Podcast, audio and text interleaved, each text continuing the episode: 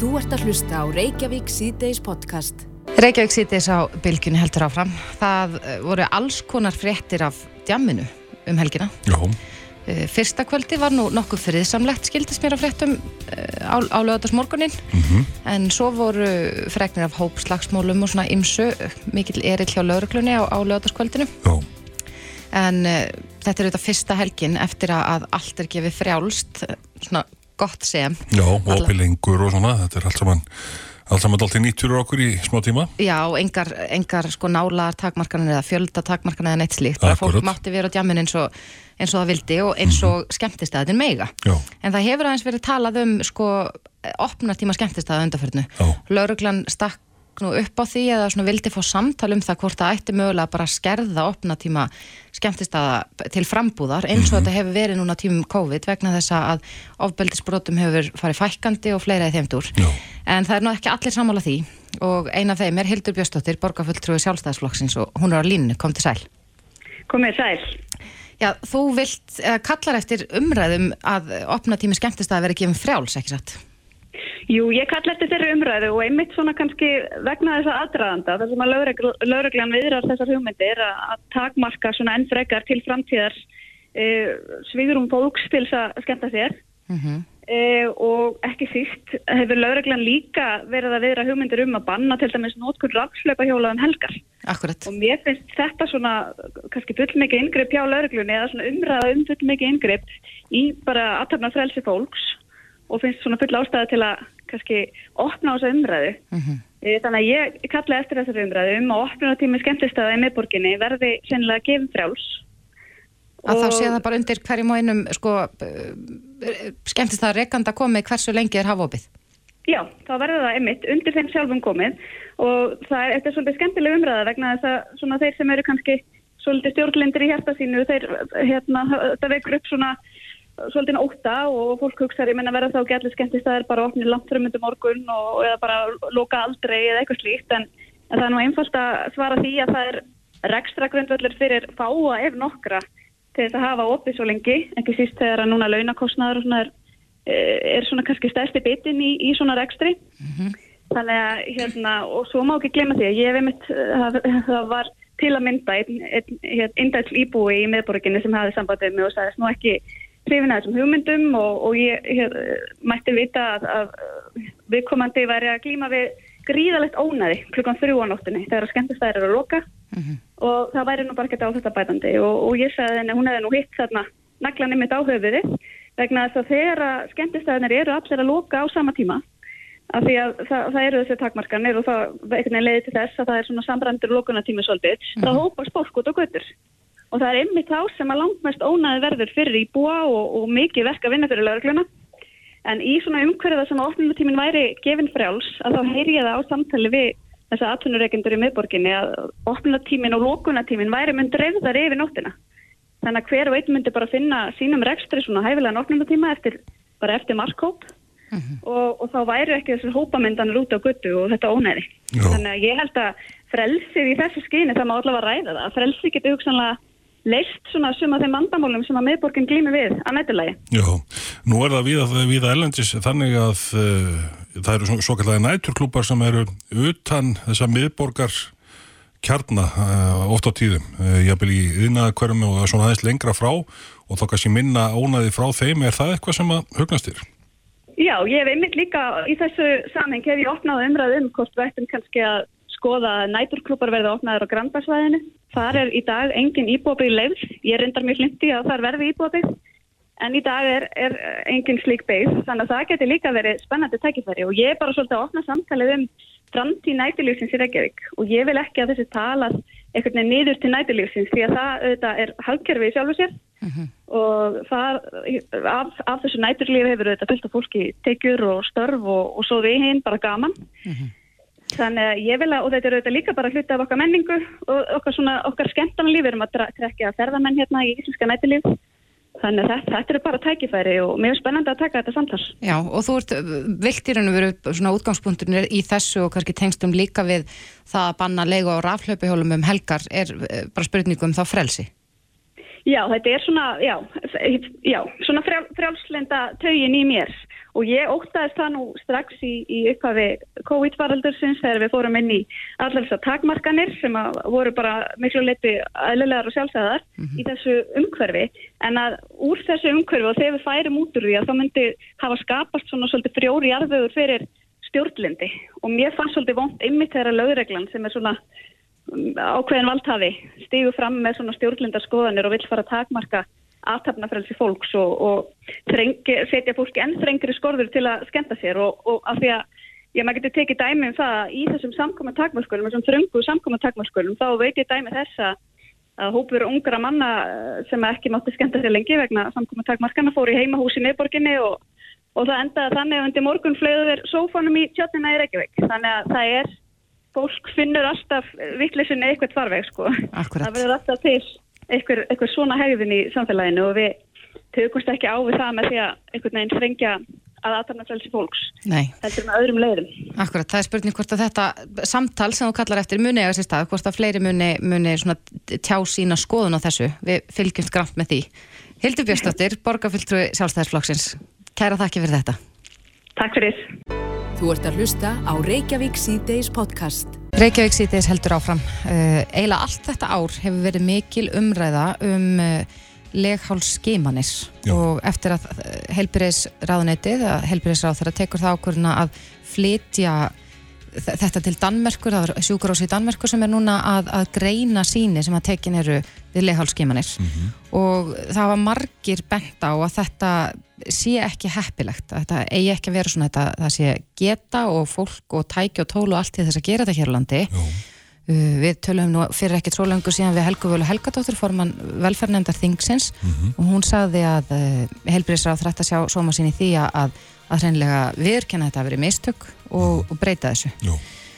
Síðan bárust fréttur um helgina af ungri konu sem greindist með frumbreytingar í leghálsi í júni í fyrra og hefur verið með dæmiger enginni leghálskrappamins en hún fær síni sitt ekki rannsaka þrátt fyrir að læknir hafi sendt beðinu um slikt. Já. Þannig að þessi mál eru í, já, má segja algjörn hnút. Mm -hmm.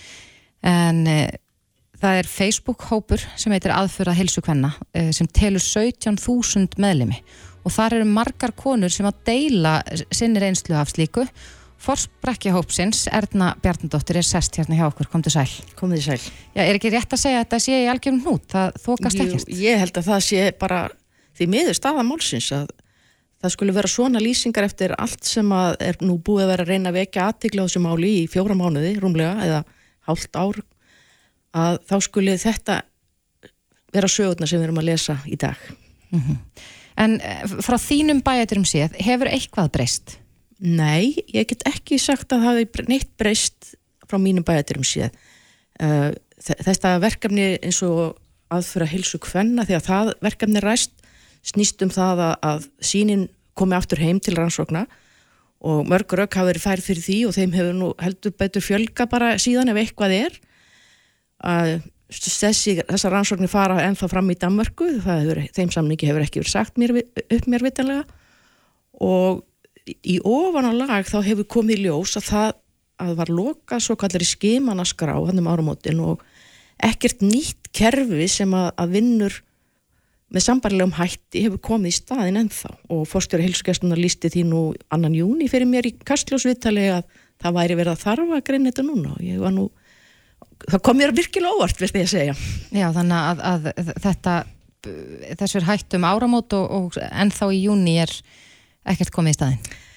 Það er allavega ekki kerfi sem er til frambúðar. Þetta er einhverja svona bráðbyrra lausniskilsmir sem er verið að nýta til þess að sérst, halda auðvitað um sínin og, og miðla síðan niðurstöðum til læknana og meiri segja einhverjar handvirkar aðferði notaður við að koma þeim inn í tölvukerfið sem að þau verði aðgengileg hér á landi. Mm -hmm og í miðri fjórðu innbyltingunni þá eru handvirkar aðferðin og ekki það tröstasta sem er bóðið upp á teknilega síðan allavega. Nei, það hafa fjölmarkir læknar og, og já, fleiri stígi fram og svona gaggrind þetta mjög harlega. Mm -hmm. Núna síðast kvennsjúkdóm læknir Ebba Margret Magnúsdóttir sem segir að konur, að íslensku konur eigar hennilega bara betra skilið.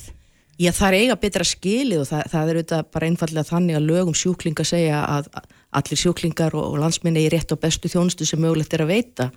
Og svo þjónusta hún var einfallega betri hérna fram til síðust árumóti heldur en núna því að ég er með áraðanlegar heimildi fyrir því að síni sem að hafa verið tekinn frá með sannlega mars að það er ekki búið að miðla úr þeim niðurstöðum. En þetta var komið niður í tvær til þrjár vikur þegar að best let hérna í fyrra.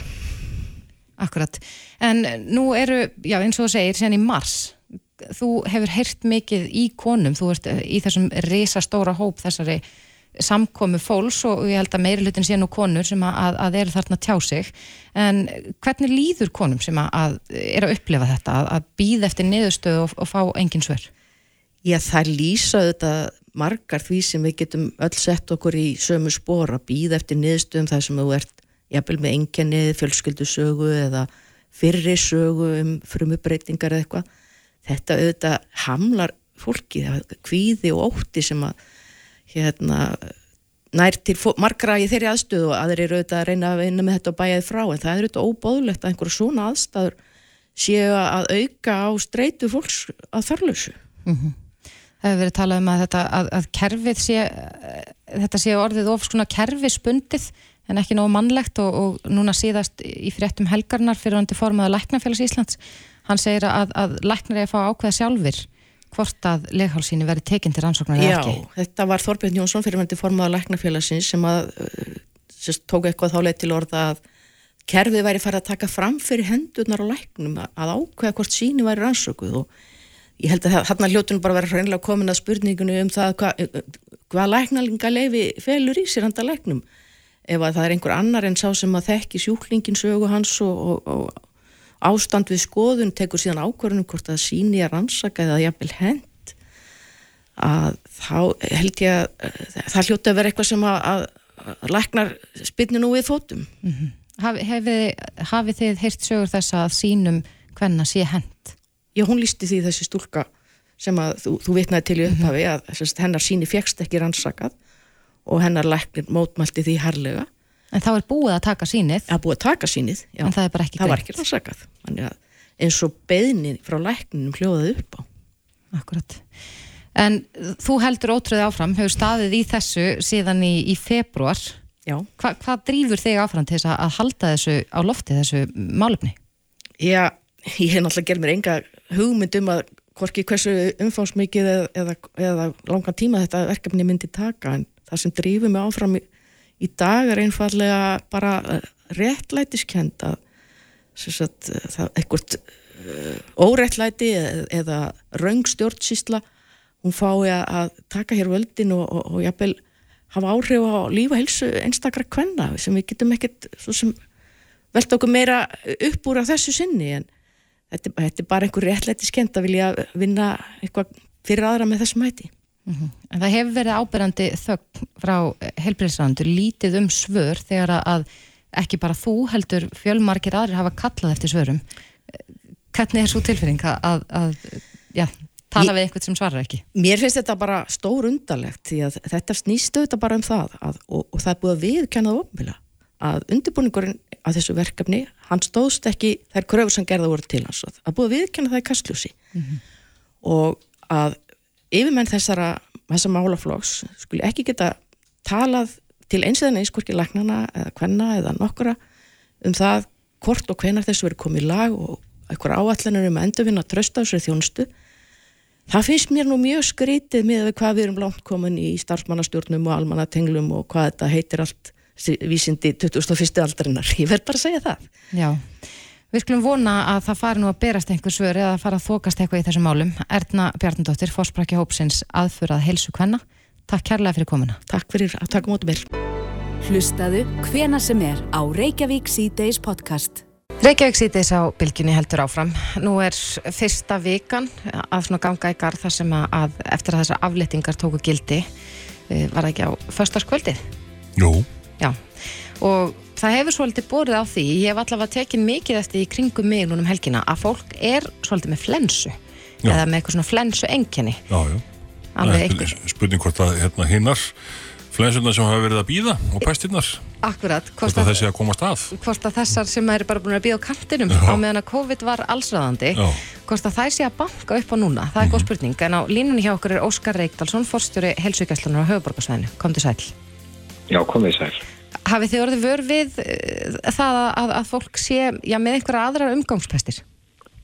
Já, við verðum vörfið það, það um leið og fólk fyrir að umgangast meira og þéttar að þá fyrir að byrja á öðrum síkingum, hvort sem það eru magapestir eða öndunarfærsíkingar. Það, það er alveg ábyrjandi þegar fólk fyrir að umgangast meira og það er svolítið óveinulegt þegar það komið langt fram á sumar. Já, og eru þetta uh, skæðar í pestir heldur en áður eða bara svipað? Ekki er mér nú kunnugt um það, þetta er svona bara eins og gengur og gerist að, að fólk fær hver pest svona öndun að fara enginni og, og hérna og hýta, hýta velur svona og hústa og hvernig þetta er nefnstýplur og svoleiðis. Mm -hmm. Þetta er nú, nú ekki dreysnið sérstaklega skreitt sko eftir því sem ég best veit. Þetta hefur verið meira svona bara hefðbundir, fólk fær það ginnhóluborgur og eirnaborgur og svona eins og fíkir. Já, Já og e, ónæmiskerfi þegar það er búið að vera í vörn í rúmt ár Eh, bregst, það einhvern veginn öðru sér við þegar það loksins skellur á því pest? Ég veit það nú ekki að það sé ekki bara hefðbundið eftir svona já, kerfið hefur svona þjálfast upp með árunum hjá flestum sko það er, það er alltaf öðru vísi þegar maður er ekki búin að veikjast mikið eins og börn sem eru svona fyrst árið í leikskóla þau veikjast meira og oftar. Mm -hmm. það er, sem, er, það er svona smá þjálfast kerfið að maður er alltaf veikjast en það má kannski segja að það hefur verið freka lítið af svoleiðis síkingum og undanfarið ár. Akkurat. En hvað með influensuna? Fór hún bara algjörlega fram hjá okkur þetta árið?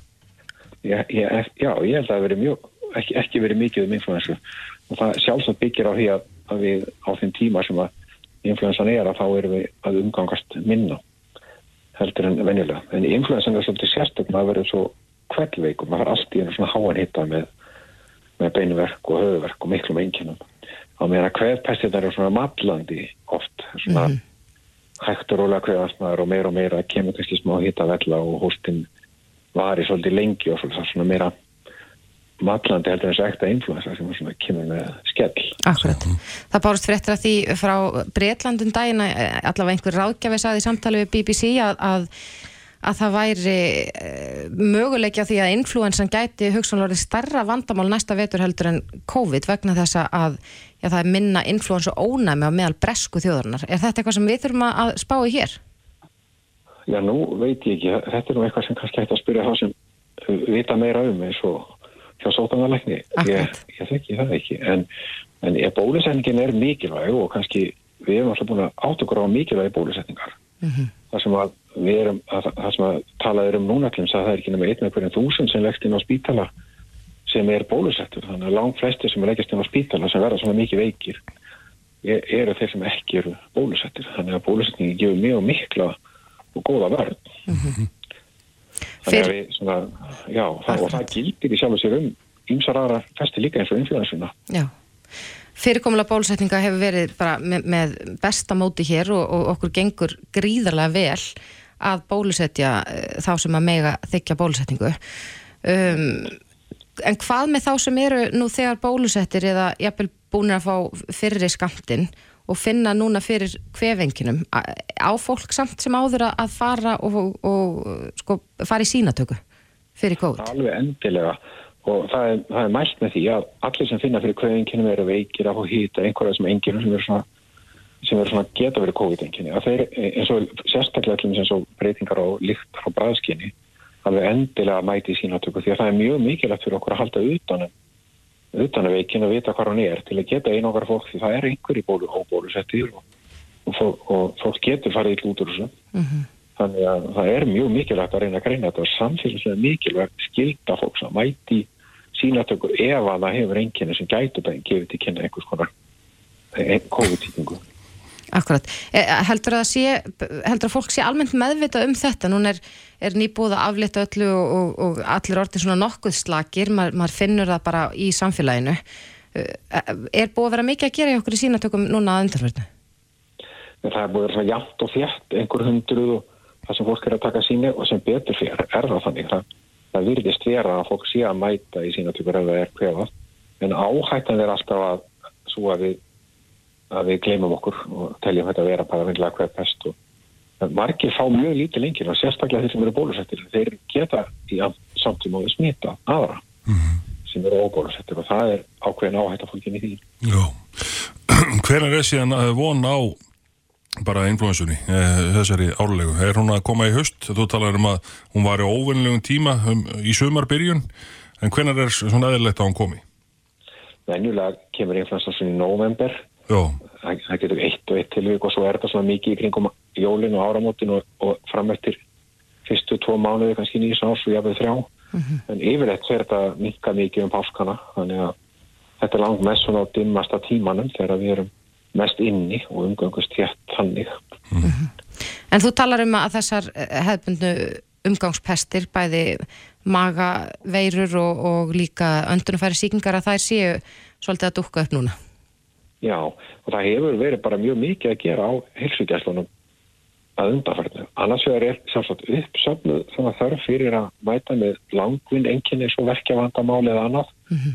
og svo, svo eru svolítið um bestir sem fólk er að mæta. Þannig að vaktingar eru bara, það er bara svolítið að gera. Sko. Þannig að, fólk hefur nú sem betur fyrir sínt okkur mikinn skilning og bygglund og, og, og samþýtt það þó að þau eru stundum að býða þess en fólk er að gera allt besta til þess að láta hlutina ganga og sína fólki bara vel. Já. En við minnum þá það að ef að fólk finnur fyrir flensuengjunum, jafnvel þó að þessi búa þykja bólusetningu, að skella sér til ykkar í sínatöku. Alveg endilega, það er bara mjög mikilvægt. Óskar Reykdalsson. Svo náttúrulega er eitt enn kannski. Já. Mæti bólusetningu, þessum ekki eftir, það er ekki síður mikilvægt. Þannig hvartning sem Þórólur er búin að vera með að undarfærnu og ég tek undir það bara, mm. því, því fleiri bólusettir því betra Er ekki eitthvað breytt fyrirkomulega bólusetningu núna að fólk á að fara að bóka sér sjálf tíma? Já, það er á, á döfinni núna en eins og núna er þessa vikan eru að bólusetja mestuleiti setni bólusetningar mm -hmm. og hjá, hjá fólki og svo er þetta nú svona komið í smá svona ró þannig að fólki hefur smá tíma en síðan munum við taka smá törn aftur um leið að við sjáum þörfin á því Já. strax í ágúst Akkurat. Og þetta verður alls látið við og alltaf hægt að fara inn á heimasíðu. Það kostar það COVID.is eða helsigjarlun.is og sjá svona áætlunina sem er komin fram. Já. Óskar Eikdalsson, fórstjóri helsugjastunum á höfuborgarsvæðinu. Takk kærlega fyrir þetta. Takk sem leiðis. Reykjavík síðdeis á bylginni. Það er margt sem er að breytast í samfélaginu og samfélagum heimsins. Minnst að kosti það sem að COVID hefur numið land, hefur hrundið á stað mörgu sem að svona, já kannski var í gættinni áður en uh, faraldurinn dætti yfir heimsbyðina en uh, í daglegu lífi finnum maður fyrir því að, að, að margt er breytt og ein er svo breytingin sem að tengist nú skipulagsfræðum og hvernig við byggjum yfir okkur og, og, og búum til samfélag þorp, kauftún, borgir eða, eða hvað það er. Þar eru margar forsendur brosnar af því að já, það þurfu ekki allir að fara nýri bæ til þess að komast í banka eða, eða alls konar eh, hluti sem að maður þurfti að vera á staðinum og, og vinnustadin, vinnu eh, mótífið eða vinnu, vinnu eh, hvað segir maður kerfið, allt saman. Það er, það, það er bara breytt. Það er að segja margir vinna heima hjá sér. Þetta sparar húsnæði og svo framvegs og framvegs Guðmundur Franklín, þú og, og þínir og, og margir úr, úr heimi stjórnmálana og, og viðskiptana þekkja að þetta er komið til skjálana og við erum kannski segnir til en er það ekki bara ágætt að, að þetta komi í skrefum en þetta er orðið? Jú það er alveg rétt. Og nú netveslun hefur aukist gríðarlega núna í, í COVID-inu og það er alveg saman hvort þessu född eða matur eða hvað sem er fólk er að panta hluti heima á sér. En þessi tækni hefur náttúrulega verið til í langan tíma. E, Íslensk rafræn stjórnsísla er búin að vera að vaksa á Íslandi alveg frá 1990 eitthvað. Og hérna og á hverju ári er, er hún að batna. Og núna er hún komið með rafræn posthól og við erum að, svona náttúrunum í þessu, þeir eru mjög framalega í þessu Danir og, og hinn að Norðlanda þjóðunar og en þetta er bara sérstaklega ánægilegt vegna þess að að þetta nýtist okkur Íslandingum að margan hátt. Og, og á öðruvísi hátt heldur en kannski hinnum þjóðanum vegna þess að við getum nýtt þetta í baráttunni gegn loftslagsbreytingum. Og það er nú svo að, að hérna e, þeir voru að tala um það stjórnvöld að, að þeir ætla að reyna að ná á samt samtökum meðinaðarins og atvinnulífsins kólefnis hlutleysi á Íslandi árið 2040 það er hægt að ná því miklu fyrr. Og en á næstu þremur árum þá ætla, þá ætla þau að leggja á stjórnvöld, þessi stjórnvöld sem eru núna með völd, að þau ætla að leggja á 60 miljardar byrðar, skattbyrðar á almenning í formi græna skatta og alls konar skatta og hérna. Og, og við segjum við þurfum ekki að hækka skatta. Við erum með aðra laust sem að blasir beint við okkur og við köllum hana í frálslinda líðræðisbloknum störf án staðsetningar. Og störf án staðsetningar gengur e, út á það að e, ríkið fari í fylking, fari fremst og segi og bjóði upp á öll störf sem þau geta bóðið upp á e, á fjárfundabúnaði þannig að fólk þá þarf ekkert að vera að mæta á, á vinnustadin sinn e, það getur kannski mæta á hann einu sinni viku eða, eða hvað sem að þarf. Og þetta erum við búin að sanna núna í COVID-pestinni að þeir hægt að gera. Og þetta er bara, sagt, þetta er ótrústa lausnin. Lausn hinna er að að skatleika þessar orku, þessar orku, þessu orku skiptu og þessar breytingar. En við viljum hreinlega að nýta tæknina og, og, hérna, og, og að ríki fari í farabróti og bjóði störf án staðsningar þetta hefur margvíslegt gott í för með sér. Mm. Erum við á eftir, þú, þú nefnir Dani, þeir eru konir e, nokkur langt í þessu, ég meina fjarfundarbúnaður er er eh, til í öllum fyrirtækjum og, og, og þú getur rætt við, við, við stjórnina bara þó þú sérst í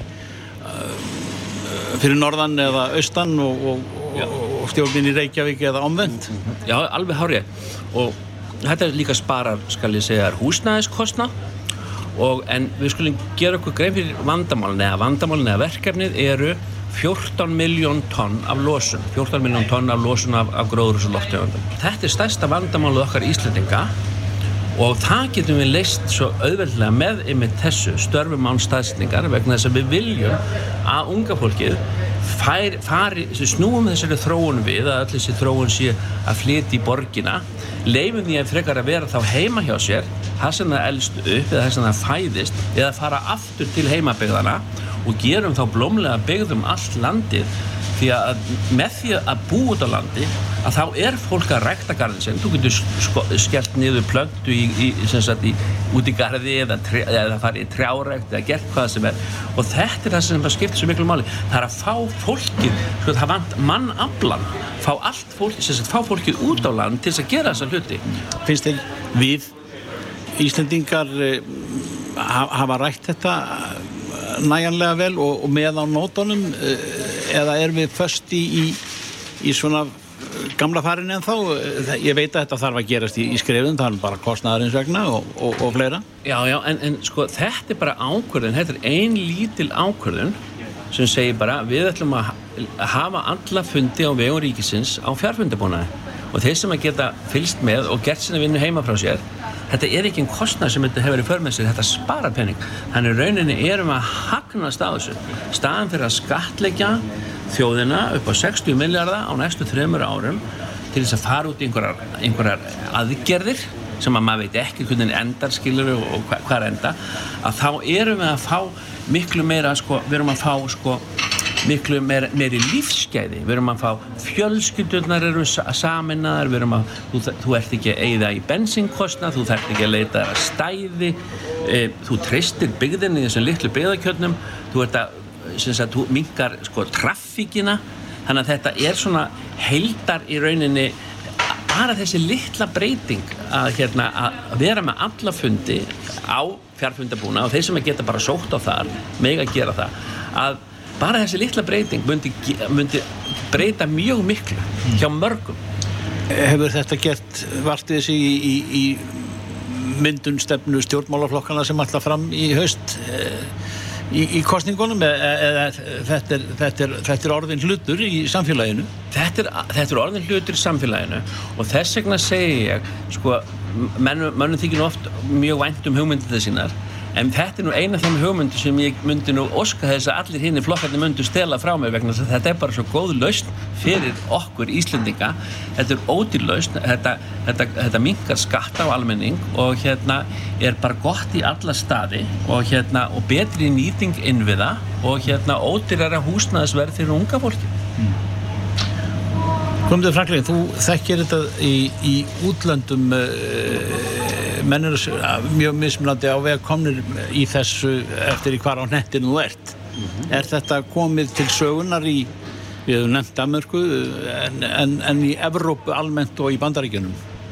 E, nei, þetta er, við erum þá fyrsta þjóðin sem að myndum breyta hreinlega um, um það, sko, að vísu hefur verið mikið flótti úr stórborgunum út í sveitunar núna í COVID.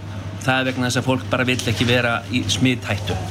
En, en hættan er svo að fólki flytja aftur inn í borgirna þegar, þegar, þegar hlutinni komast í samt lag aftur. En að því við búum í svo stóri landi og Íslandikar og það eru samgöngur hérna, við erum með ágætti samgöngur, við erum með þráttur eða allir hvert yfir veguna, þá erum við þó með vegasamgöngur um all land og við getum þá bætt vegina frekar heldur en hitt og, og hérna þannig að, að þetta myndi líka sagt, auka afkost, þetta, þetta skapa meira frelsi. Og ég held að við myndum setja svolítið svona standard, getum sett standard í þessu fyrir heiminn að byrja að hugsa um landið vegna þess að yfir 60% af menguninni og verkefninu sem við þurfum að leysa á næstu árum samkvæmt alþjóðasamningum eins og Parísasamkomalæðinu er frá landi vandamálið er ekki bílar skilur, við erum, að, við erum að sjá þá breytast yfir í ramaspíla og þeir segja sömur ég var að, að, að það bara, hefur verið núna undanfærið í fléttum að það verður sko, flestir bílar verða orðið ramaspílar árið 2025 bara við erum að tala um fjögur ár í Evrópu.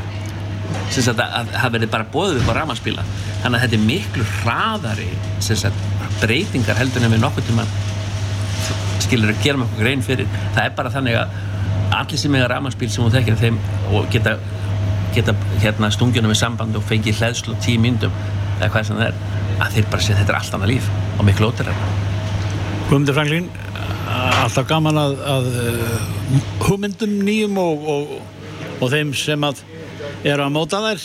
Við skulum sjá hvað, hvað því pólitíska spektrum á Íslandi gerir í málunum. Já, þakka þið fyrir Þetta er Reykjavík C-Days podcast. Jæja, við höldum áfram hér í Reykjavík C-Days. Það er uh, aldeilis, já, farið að glitta til svona í skemmtanabransanum. Já. Svo sannarlega, það eru veislur og brúðkaup og, og ég held að, að margir sem hafa átt stóramæli í fyrra mm -hmm. hafi frestað um ár. Já, já. Og svo er fullt af fólki sem á stóramæli líka í ár. Mm -hmm. Þannig að, já, veisluhöld eru einhvern veginn að rulla af stað. Já. Og þessu fylgir skemmtun og tónlistafólk Já, og það er vonandi að það fari nú að uh, ná að vinna eitthvað aðeins upp í tapið síðastliðina 14 mánuðið eða svo Já, því miður þá hefur þetta verið gríðarlega erfiðir tímar fyrir mm -hmm. tónlistafólk sem auðvitað þeirra lifibröð er að, að skemmta fyrir stórum hópum oftast já, já. og það hefur bara hennilega ekki mátt mm -hmm. en var indælt að fylgjast með því svona í þessu COVID-fári að Um, við fengum náttúrulega rosalega mikið að tónleikum heim í stofu. Mm -hmm. en ég held samt sem aðra það hafi duga frekar skamt til þess að bæta þeim tapið Akkurat. en okkur leikur fórhundna að vita hvernig já, sömari lítur út fyrir tónlistafólk og á línun hjá okkur er Henny Frímansdóttir, hún er eigandi klapp sem er umbóðs- og bókunarskrifstof fyrir Íslands tónlistafólk, komdu sæl. Já, Já, hvernig lítur sömarið út? Nú er búið að aflétta öllum takmörkunum og er, er farið að rofa til hjá þínu fólki? Já, það má eiginlega alveg bara segja það, bara heldur betur sko, bara svona síðustu hvað þau segja, bara svona tvær þrjá vikundar hefur þetta verið svona bara að byggja, eða svona koma tilbaka alveg með, með hérna miklu látum sko, -hmm. þannig að bæði eru náttúrulega enga samkvæmi sem eru búin að vera mjög mikið upp á síkasti og svo líka bara svona þetta hefðbundna tónleikahald er líka komið tilbaka sem er mjög ánægilegt. Mm -hmm. Já, þú ert með fjölmarka, eða þið hjá Klapp eru með fjölmarka tónlistamennar á skrá hjá ykkur og, og ég hef nú, ég séð marka þeirra live, Jópi og Króla og Valdimar og, og Sölku Sól og svo mætti lengi telja. Um, hvað er svona vinsalast núna? Er það tónlistarháttíður út á landi eða er, þetta, er meira af enga samkvæmi? Uh, eins og er finnst mér, já, mér finnst svona enga samkomin er búin að vera svona, það sem hefur verið svona kannski mest upp á síkasti, bæði náttúrulega fermingar bara hjá börnum sem að fermtist í fyrra og, og fólk búa sem að frestaði brúköpunum sínum og svo leiðis, en bæjarháttíðar hafa svona, jú, það er, það er ein og ein sem að, sem að er uh, verða aftur, þú veist, eins og kótilettan og þjóðháttíð og svona þessar stærstu háttíðir Mhm. Og svo er líka bara fólk uh, farið að bara fara uh, hérna að túra bara í kringum landi, taka svona stutta og sem er lengri hérna bara svona tónleikaferðir um Ísland og svona græna hatturinn og akkur er komin bara alveg hérna á fullt aftur þannig að það er svona þessi svona, svona okkar stærstu pósta eru bara allir að lifna við sko. Já, uh, nú náttúrulega eru einhverju sem að uh, eru eftirsóttir, eh, mjög eftirsóttir, hefur verðið hækkað eitthvað á, á milli ára? Herðu, nei, ég er nú ekki orðið mikið varðið það. Mm. það ég, ég held að þetta hafi nú haldist svona bara svipað og það hefur verið, sko. Já. Ég hef allavega ekki, ekki orðið mikið varðið það að, að það hafi hækkað, hækkað eftir COVID, sko. Nei, en þetta lítur að vera kærkomið fyrir uh, tónlistafólkið að, að fá að spila Já. aftur og, og maður hefur nú heyrt að ég, ég fór á, á tónleika um daginn og nú ekki fjölmenni tónleikar en, en ég heyrði tónlistafólki segja að það er svo gaman að sjá framan í ykkur Já, ég, einmitt, ég held að það sé alveg gagkvæmt frá tónlistafólkinu, sko. Við, það er, náttúrulega alveg bara indislegt að upplifa einhvern veginn þetta aftur og bara við talum eins og núna, þetta Jóbjörg Króli eru að ferja í kringum landi og eru búin núna uh, með nokkra, búin með nokkra tónleika og sko, þetta er alveg bara indislegt að fylgjast með þessu, sko, hvað veginn, hvað allir eru hérna hamingisamið með þetta sé komið tilbaka og hérna hvað maður saknaði þessi rauninni mikið að geta farið og hlusta á lifandi tónlist og hérna ég held að séu bara allir í skíunum með þetta. mm Man hefur nú heyrt að því að fólk hefur kannski aðeins verið að halda í sig með að skipulegja stóra veslur en nú er náttúrulega búið að gefa allt frjálst. Fyrir hver að vera síðastur að bóka gig fyrir sumarið? Það er svona já, eða svona já, ég held að sé orðið hjá svona, allavega mjög mörgum er orðið ansið þjætt bóka bara fram á haustið og við svona, við erum líka að finna að það er að, er að byrja, svona, byrja núna sérstaklega eftir aflýtinguna, það er að byrja að koma núna fleiri bókanir bara fyrir haustið og hérna ég held að bara já, fólk ætti bara að vera, vera hérna tímanlega í því, engin spurning sko. Já, veistu hvernig er með húsnaði? Er uh, nóg af sölum fyrir uh, allar þessar kemtanir? Já, það er náttúrulega alltaf, má alltaf vera meira sko, en það er nú eitthvað svona, e- e- ég hef búin að heyra af nokkur stöðum eitthvað sem er að koma svona eitthvað nýjir inn, en, en já, já, við, allavega, ég held að sé að það er nóg pláss fyrir alla, en það má alltaf gera betur í þeim málunum, sko. Já, henni Frímansdóttir, eigandi klapp við bara samkleðumst ykkur og, og tónlistafólkin ykkar kæra þakki fyrir þetta Fyrir, Takk, takk takk. kærlega fyrir.